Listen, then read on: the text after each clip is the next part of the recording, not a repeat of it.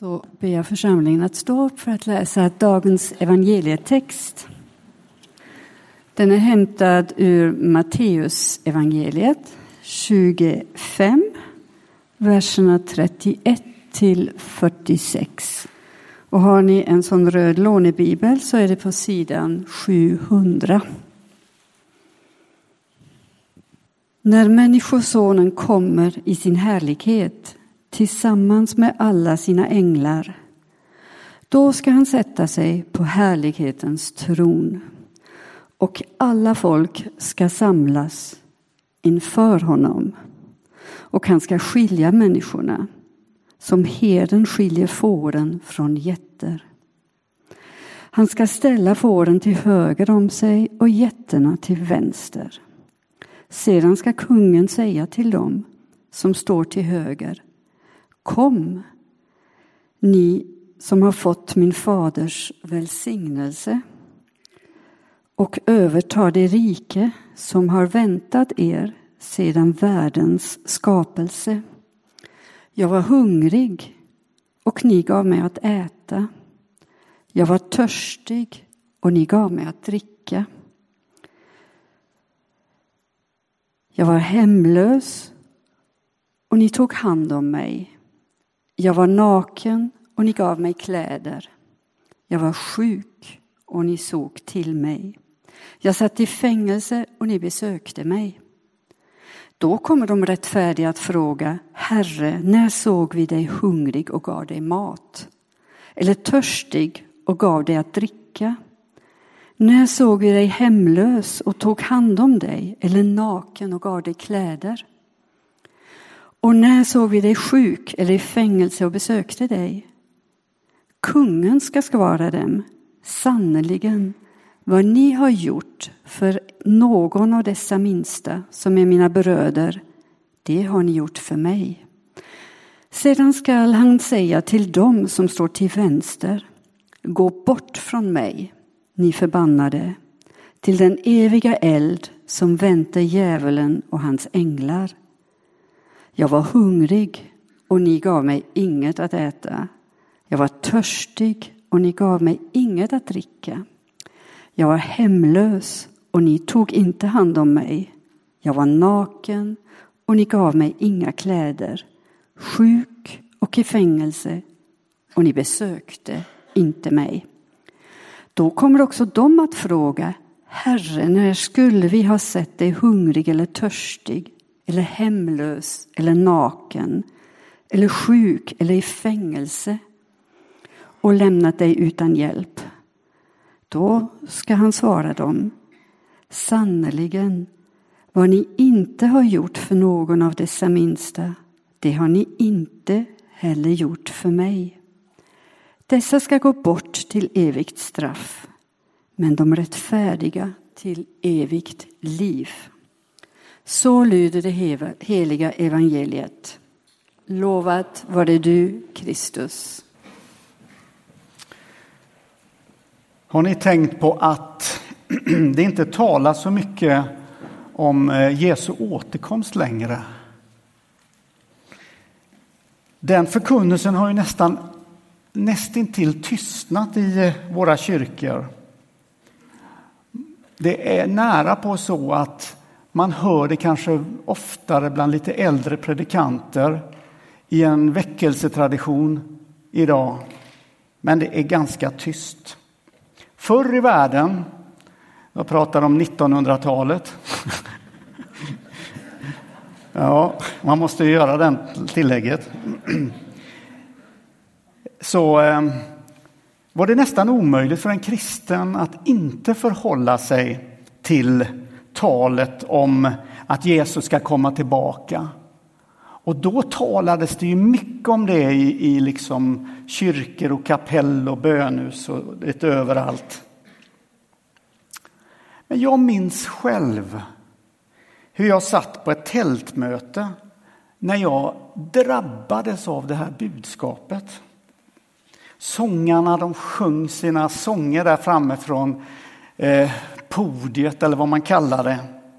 Och det luktade spån och fuktig tältduk. Och jag var bara ett litet barn.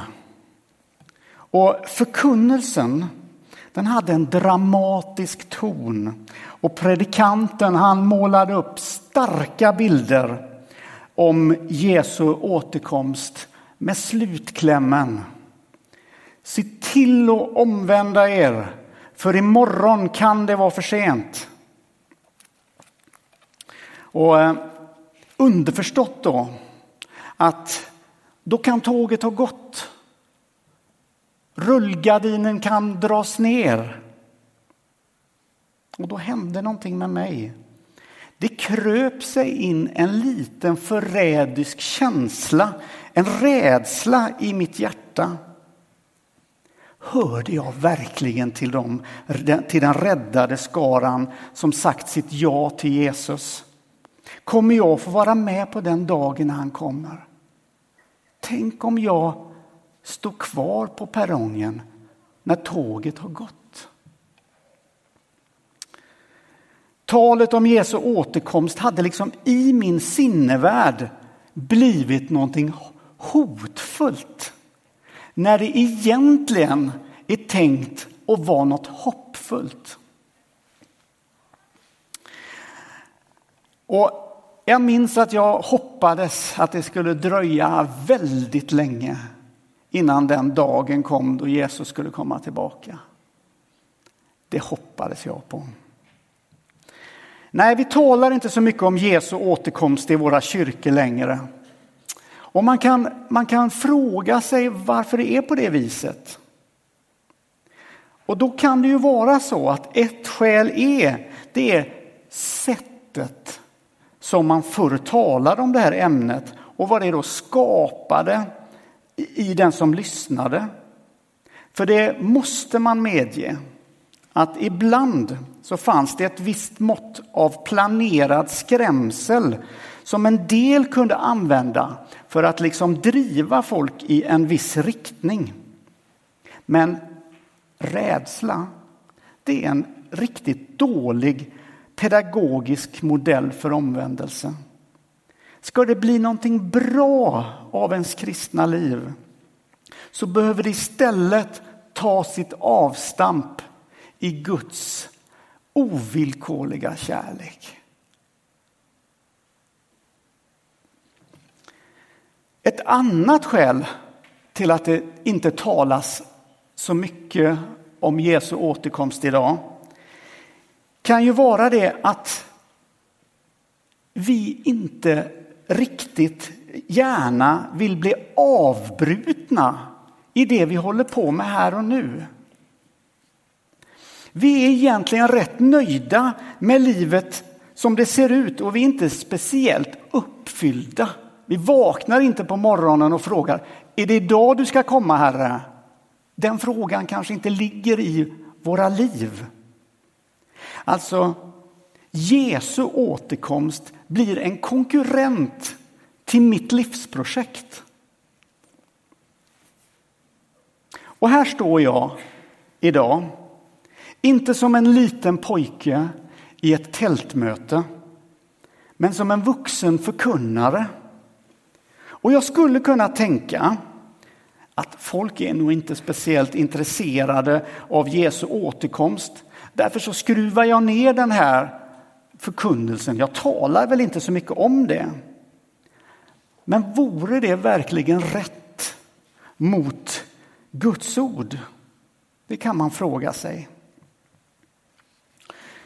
Om vi ska nysta i detta så måste vi börja i människans kosmiska sammanhang. Hon är skapad, hon är tänkt av Gud och hon hör ihop med honom och med alla människor som också är skapade av honom. Det är så att säga det kosmiska sammanhanget. Du kanske inte anser dig vara kristen eller så är du osäker på den frågan. Och du tänker att ja, men jag relaterar väl inte till någonting annat än till mig och mitt eget liv och det jag själv skapar.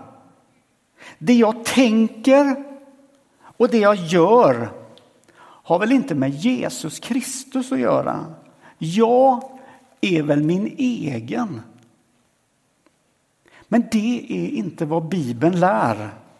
Om du är kristen, icke-kristen, agnostiker eller vad du nu än är, så är du satt i ett sammanhang, lyssna på det, som är större än dig själv. Och förstår du inte detta så blir du lite som guldfisken som simmar runt i sin skål och står där på bordet i det stora huset med de många rummen. Och i ditt inre tänker du, vattnet jag simmar i, skålens omslutande glasväggar, det är allt som finns. Det finns ingen som har satt skålen på det här bordet, i det här rummet, i det här huset. Jag bara är här. Vi har alla ett kosmiskt sammanhang. Och allting i den här världen hänger ihop och relaterar direkt till Jesus Kristus. Allting relaterar till Jesus Kristus. Så vi har en tillhörighet, en koppling till någonting mer än oss själva. Vare sig vi vet det eller inte. För det finns någon som har velat ditt liv.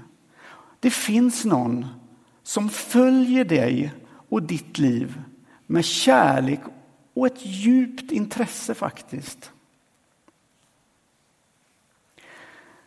Och när vi läser dagens text så handlar den om att alla människor, det här är en kärv text vi är inne i idag, det tror jag ni håller med om. Så när vi läser den här texten så handlar det om att alla människor en dag ska stå ansvariga för Gud, inför Gud, för det liv som har blivit oss givet. Som, som du och jag har fått som en gåva. Alltså vi är ansvariga inför Gud förstår vi när vi läser den här texten. Hur vi behandlar varandra, oss själva och den värld vi lever i. Och igår på nyheterna, eller förrgår var det kanske, så var det återigen uppe på tapeten de här fondförvaltarna. Jag vet inte om ni hörde det. Fondförvaltare som eh, har fått ett förtroende att förvalta någon annans pengar. Fondspararnas pengar, men som själva har sett en möjlighet att roffa åt sig och ta för sig och lura vanligt folk på deras sparkapital. Och Finansinspektionen liksom jobbar för att stävja detta. Va? Och det senaste bolaget där, iSave tror jag de hette, eh, blev väl avstängda nu då. Ta det som ett litet ynka exempel på att vi tycker inte att det är så konstigt att de som har fått förtroende i vårt samhälle, om det handlar i näringslivet eller om det handlar om politiker eller om det handlar om metoo, övergrepp, vad det än handlar om, så, så är det någonstans för oss något självklart att vi, får, vi ansvarar för våra handlingar. Och vi blir upprörda när inte det sker. Men är det då så konstigt att Gud som har skapat dig och mig ställer frågan på den dagen. Hur förvaltade du förtroendet du fick av mig att vara människa? I texten har det ytterst med kärlek att göra. Jag var hungrig och ni gav mig att äta. Jag var törstig och ni gav mig att dricka. Jag var hemlös och ni tog hand om mig. Eller, jag var hungrig och ni gav mig inte att dricka.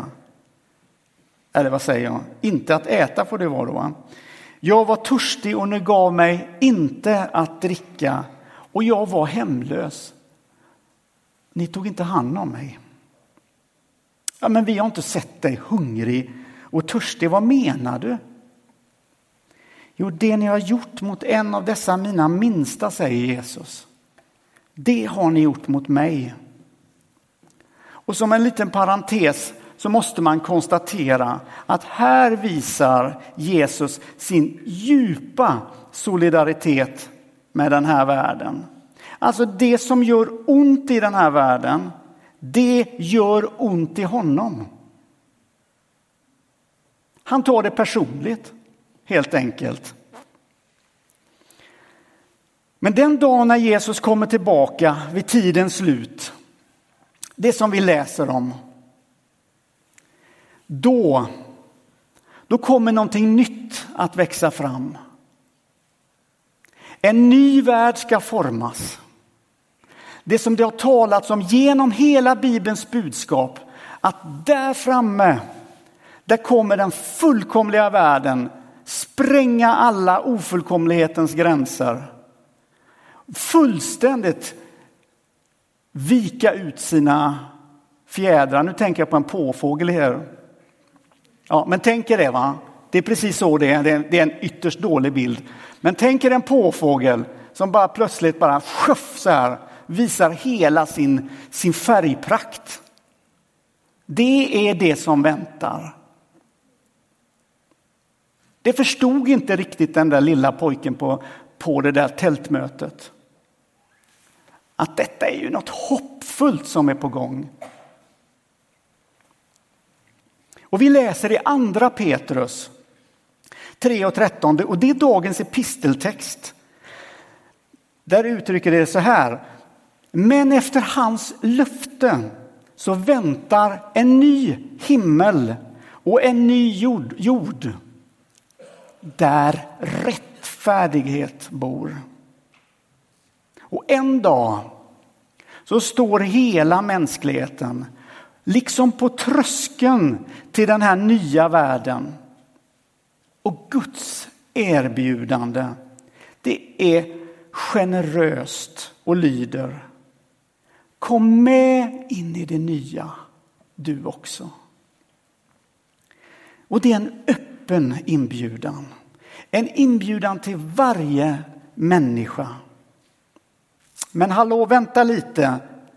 Är det så, är det så att om jag bara älskar tillräckligt mycket och gör, ger den fattige det den behöver och gör goda grejer. Är det tillräckligt för att jag ska få ha en del av den här kommande härligheten? Man får ju nästan den känslan. Känner ni det när man läser texten? Att det är det det handlar om. Men det som texten inte talar explicit om, men som ligger som en tyst kunskap mellan raderna. Det är att ingen människas handlingar ytterst ändå räcker. Hur vi än gör kan våra hjärtan här inte nå den rättfärdighet som vi behöver för att den dagen stiga in i det fullkomliga. Och det är här nåden kommer in. För Jesus känner den mänskliga naturens brister och vet att om det mänskliga här och det gudomliga där ska mötas så måste någonting ske med människans hjärta. Detta kan inte hon göra själv. Det är omöjligt. Och jag önskar så att dagens predikan skulle få inspirera dig att tro att Jesu förmåga att täcka upp för dina brister och göra dig redo för den dagen då han kommer. Allt som krävs, det är ett ja, det vill jag från din och min sida. Och det är det här som Martin Luther kallar för det saliga bytet. Jesus gör det vi inte klarar av i oss själva. Vi får Jesu rättfärdighet rakt in i vårt hjärta och han får tillbaka vår synd. Det är väl ett saligt byte. Där har han ju fullständigt rätt, Luther.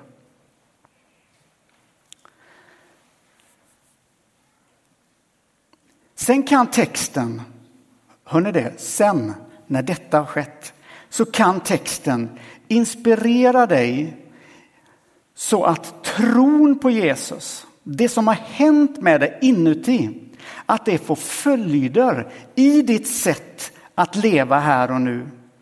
Då uttrycker vi frälsningens verklighet i vår egen livsstil, i vårt sätt att leva. Då ger vi den hungrige mat. Då ger vi den nakna kläder. Då besöker vi den sjuke. Så min vän, du har ett kosmiskt sammanhang som är större än dig själv. Och du är alls inte bortglömd som en ö långt ute i havet. Det finns en okänd bro i ditt inre som går rakt ut i universum och det andra brofästet det sitter fast stenhårt i klippan Jesus Kristus. Och varje människa uppmuntras att ta ett steg på den bron mot Jesus Kristus. Och när vi går framåt ska vi veta att han, han är den som håller hela världen i sin hand. Han har gjort det från första början när han skapade världen. Han håller världen i sin hand hela vägen till den dagen då vi läser i, det här, i den här domsöndagens text. Han håller och skapar en ny värld som han också håller. Och genom hela den här processen, ända från skapelsen, så, så bär han mänskligheten. Han är som mina händer kupande under varje människa hela vägen. Det vi behöver göra det är att säga, jag vill ta del av detta. Jag vill, jag vill har din rättfärdighet, Gud. Så allt är till genom honom och för honom. Och när vi ibland ser ett slut, då ser Gud en början. När vi ibland ser ett slut, då ser Gud en början. För så, sådan är han. Kärleken och framtidshoppets Gud. Amen.